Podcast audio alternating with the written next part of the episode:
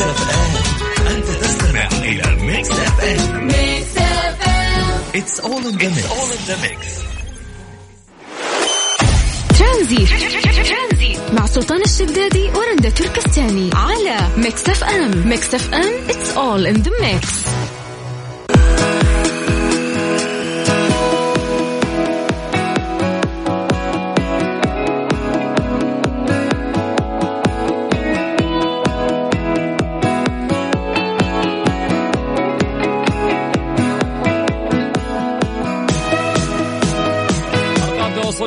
صفر خمسة أربعة ثمانية وثمانين أحد سبعمية. طبعا آه، في يعني خلينا نقول أشياء مزعجة كثير ممكن تصير والواحد يحاول أنه هو يتخلص منها. من هذه الأشياء المزعجة اللي صارت خلينا نقول عند الناس كلهم وليست عند آه، طبقة معينة أو فئة معينة أو حتى دولة معينة. آه، موضوع أنه الشخص إذا صار عنده شيء على طول يروح يبحث في- جوجل عشان يحل المشكلة اللي عنده وخصوصا إذا كانت هذه المشكلة تتعلق بشيء س- يعني أصابك جسديا. يعني أصبح جوجل هو طبيبنا الخاص. من وجهة نظرك هل تحس إنه فعلا جوجل أصبح آه، طبيبنا الخاص ولا لا؟ لأنه يعني بمجرد أن نتعرض زي ما قلت لكم إلى وعكة صحية كل واحد فينا على طول يروح الجوالة أو جهاز كمبيوتر ونلجأ إلى استخدام محركات البحث الشهيرة مثل جوجل. عشان نكشف غموض المرض اللي إحنا نعاني منه أو حتى عشان نحصل على وصفات علاجية لبعض الأعراض اللي نعانيها. غالبا ما نقع في فخ المواقع غير المتخصصة اللي تقدم معلومات خاطئة أو غير موثوقة أو لا تتوافق مع حالتنا فراح تضرنا عند تطبيقها أو تطبيق الأدوية اللي إحنا نلاقيها في هذه المحركات. قاعد أقرأ يا جماعة الخير. حذرت العديد كثير من الدراسات والأبحاث الطبية مؤخرا من أضرار الاعتماد على محركات البحث في تشخيص الأمراض واتفقت جميعا على حقيقة واحدة وهي تقول لك هذه الحقيقة إنك أنت ما تسمع كلام دكتور جوجل. سموه دكتور جوجل يعني هذا الدكتور قالوا غير موثوق فيه والمفروض إنه أنت آه، ما تلجأ له ابدا.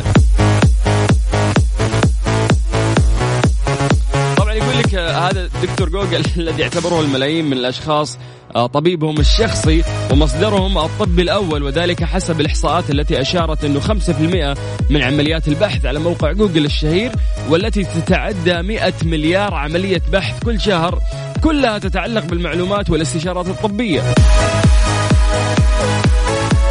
فكشفت مؤخرا دراسة طبية حديثة أشرف عليها كثير من الباحثون آه، من جامعة هونغ كونغ للعلوم أن استخدام محرك البحث الشهير جوجل في تشخيص الأمراض فكرة سيئة جدا وغير مناسبة للحصول على العلاج.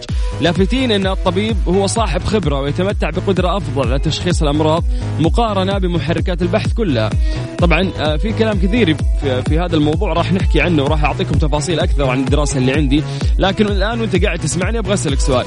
هل تعتقد فعلا أنه جوجل أصبح طبيبنا الخاص أو لا؟ أبغاك تطلع تقول لي إيه أو لا وتسولف معانا لأنه مرات أنت يمكن تكتب الأشياء اللي أنت تحس فيها في جوجل عشان تلاقي الإجابة معينة. طيب أنت ممكن أعراض اللي, تشعر فيها هي أعراض غير صحيحة وأنت فهمتها بشكل غلط فأنت بالتالي تحتاج الطبيب هو اللي يشخص الطريقة صحيحة مو أنت اللي تشخص بطريقة صحيحة أو جوجل. ف أو في ناس يقولوا لك مو مشكلة يعني إحنا أنا عندي معدل وعي كويس فأقدر أدخل وأطلع وأقرأ من بعيد لبعيد وأفهم ممكن جزء من حالتي. فمن وجهة نظرك هل جوجل أصبح طبيبنا الخاص ولا لا؟ كيف تقدر تشارك معنا؟ الموضوع جدا سهل عن طريق الواتساب الرقم الوحيد اللي يجمعنا فيكم. على صفر خمسة أربعة ثمانية وثمانين أحد سبعمية. هذا رقمنا الوحيد. اكتب لي بس كلمة ترانزيت فيه وأنا راح أرجع أتواصل معاك. تطلع معنا في برنامج ترانزيت. على صفر خمسة أربعة ثمانية وثمانين أحد سبعمية. برنامج ترانزيت لغاية ست مساء على إذاعة Mix FM. ترانزي مع سلطان الشدادي ورندا تركستاني على Mix FM. Mix FM it's all in the mix أبو حميد.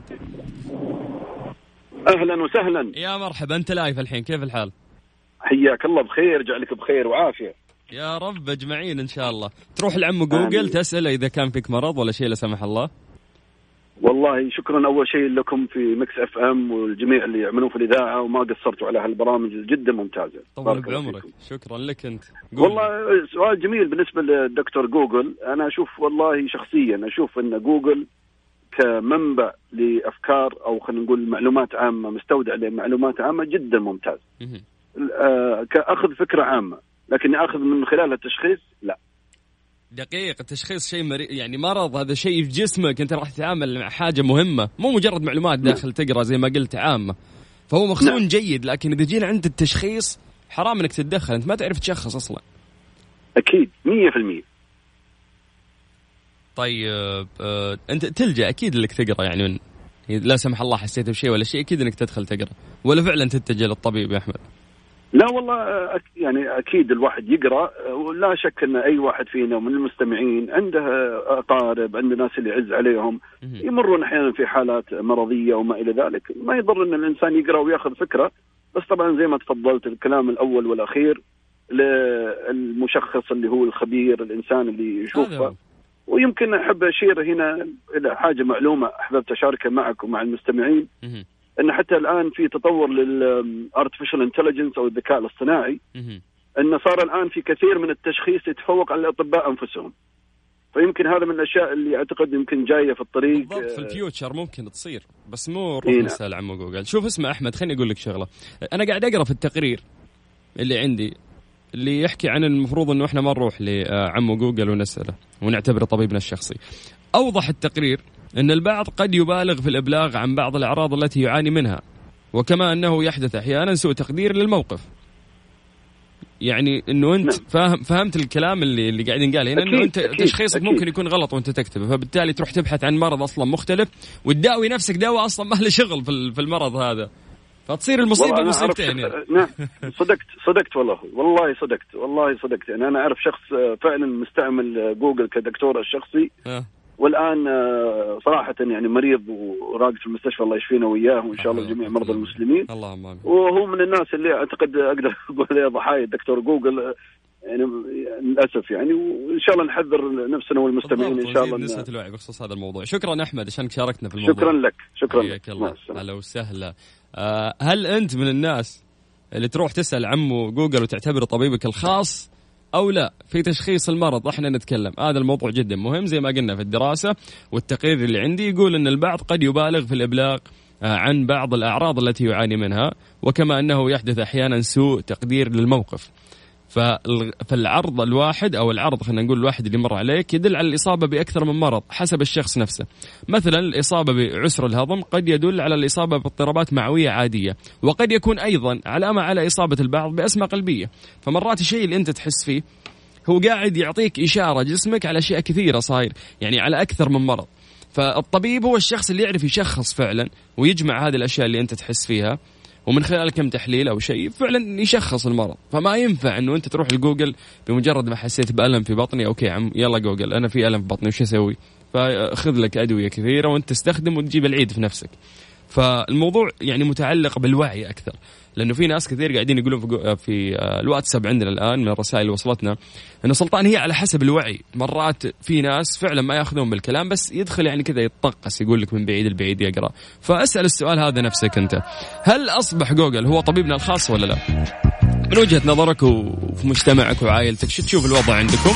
عطنا رسالتك عن طريق الواتساب على صفر خمسة أربعة ثمانية وثمانين سبعمية. بمجرد ما توصل آه، رسالتك راح نرجع نتواصل معك تطلع معنا في برنامج ترانزيت.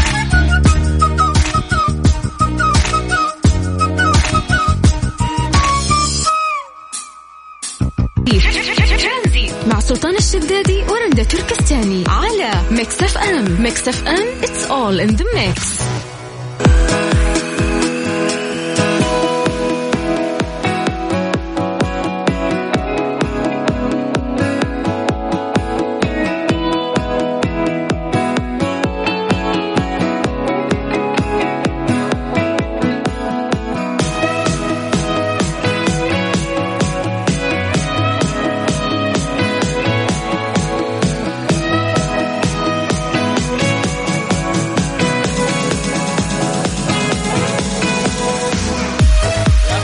الأشياء اللي تصير للشخص هي الكوابيس أثناء النوم. يعني في ناس تتكرر عليهم بشكل جدا عجيب وكثير وفي ناس يقول لك ما يحلم إلا في السنة مرة ولا ما تدري هو شكله إذا صحى من النوم.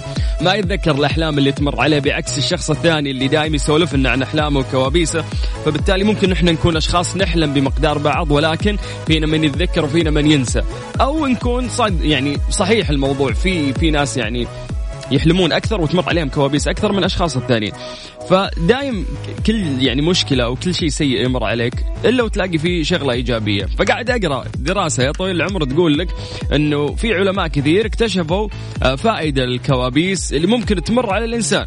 كشف علماء في جامعة جنيف في دراسة بحثية جديدة لهم أجريت على 18 شخص إن الكوابيس التي يراها الإنسان في أحلامه الليلية تساعده في التغلب على الاجهاد خلال اليقظة.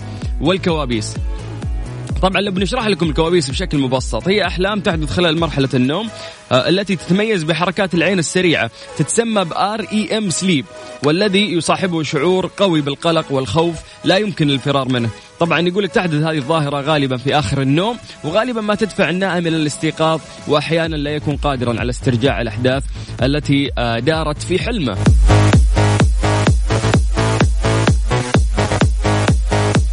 في هذه الدراسة هم آه، راقبوا الباحثين نشاط أدمغة الناس اللي سووا عليهم الدراسة خلال فترة النوم واكتشفوا أنه عندما كان هؤلاء الأشخاص يحلمون بأشياء مزعجة مثل الكوابيس كان الفص الجزيري والتلفيف الحزامي المسؤولان عن عن الإجهاد في الدماغ نشطان. فهم قالوا أنه هذه هذه المنطقة إذا كانت نشيطة فهذا شيء راح يفيد مخك. وقد بينت نتائج المتابعة اللاحقة أنه في فترة اليقظة كانت مناطق الدماغ المذكورة منخفضة في النشاط اللي إحنا يعني ذكرناها قبل شوي. طبعا يذكر أيضا علماء من جامعة كاليفورنيا وكشفوا سابقا أن سوء النوم يجعل الإنسان ضعيفا أمام الإجهاد ويرتفع عنده مستوى القلق.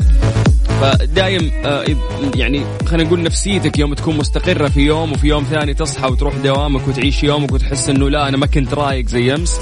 هذا كله أكيد يرتبط آه، في نومك. مدى عمق النوم اللي أنت وصلت لها. طبعا يقول لك تكون النوم الصحي من مرحلتين تتناوبان أثناء الليل أحدهما سريعة مرحلة كانت العين سريعة والأخرى بطيئة. في حال النوم لمدة آه، ثماني ساعات تستغرق. طبعا مرحلة النوم البطيء حوالي من 80 إلى 90 دقيقة. فالناس اللي تمر عليهم كوابيس موضوعك آه، ممكن يكون مفيد. أكثر من الشخص اللي ممكن ما تمر عليه كوابيس. هذا الشيء ينشط طبعا زي ما قلنا الجزء المذكور في الدماغ اللي أنا ذكرته لك قبل شوي.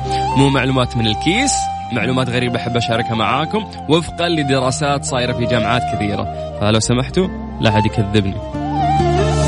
مو أنت ردت تروح تتبرى من حبك كيفك ترى الموضوع؟ هذه الساعة برعاية Freshly فرف شوقاتك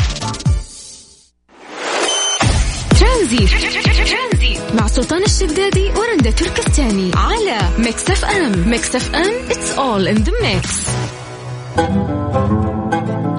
صرح آه، معالي المستشار تركي آل الشيخ آه، قبل رحلته العلاجية بكلام وكتب سامحوني إذا أنا مقصر. طبعا جاءت هذه الكلمات بعد إعلان رئيس هيئة الترفيه السعودية مغادرته للرياض وهو الأمر الذي تناقلته بعض المواقع الإخبارية بأنه ذاهب لرحلة علاجية تأخرت كثيرا بسبب انطلاق موسم الرياض الترفيهي. طبعا سبب مغادرة آل الشيخ الأراضي السعودية أنه غادر المملكة في رحلة علاج تأخرت بسبب انشغاله زي ما قلنا في التجهيز لموسم الرياض وفعاليات هيئة الترفيه التي لاقت نجاحا كبيرا واستضافت العشرات من ابرز النجوم في شتى المجالات. آه طبعا قاعد أقرأ في حساب آه معالي المستشار.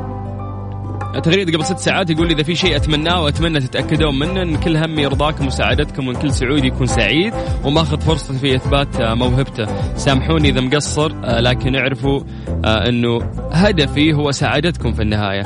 ف حالة معالي المستشار آل الشيخ الصحية آه، إنه يعاني يقولون لك من نزيف متقطع وعدم انتظام في النوم وضعف في آه، ضخ الدم لمنطقة الساقين والقدم بالإضافة إلى متابعة آه، طبعا حالة الورم اللي في الرأس الذي يقع قريبا من الغدة ويقولون لك إنهم ما يبغون يتدخلون تدخل جراحي في الفترة الحالية.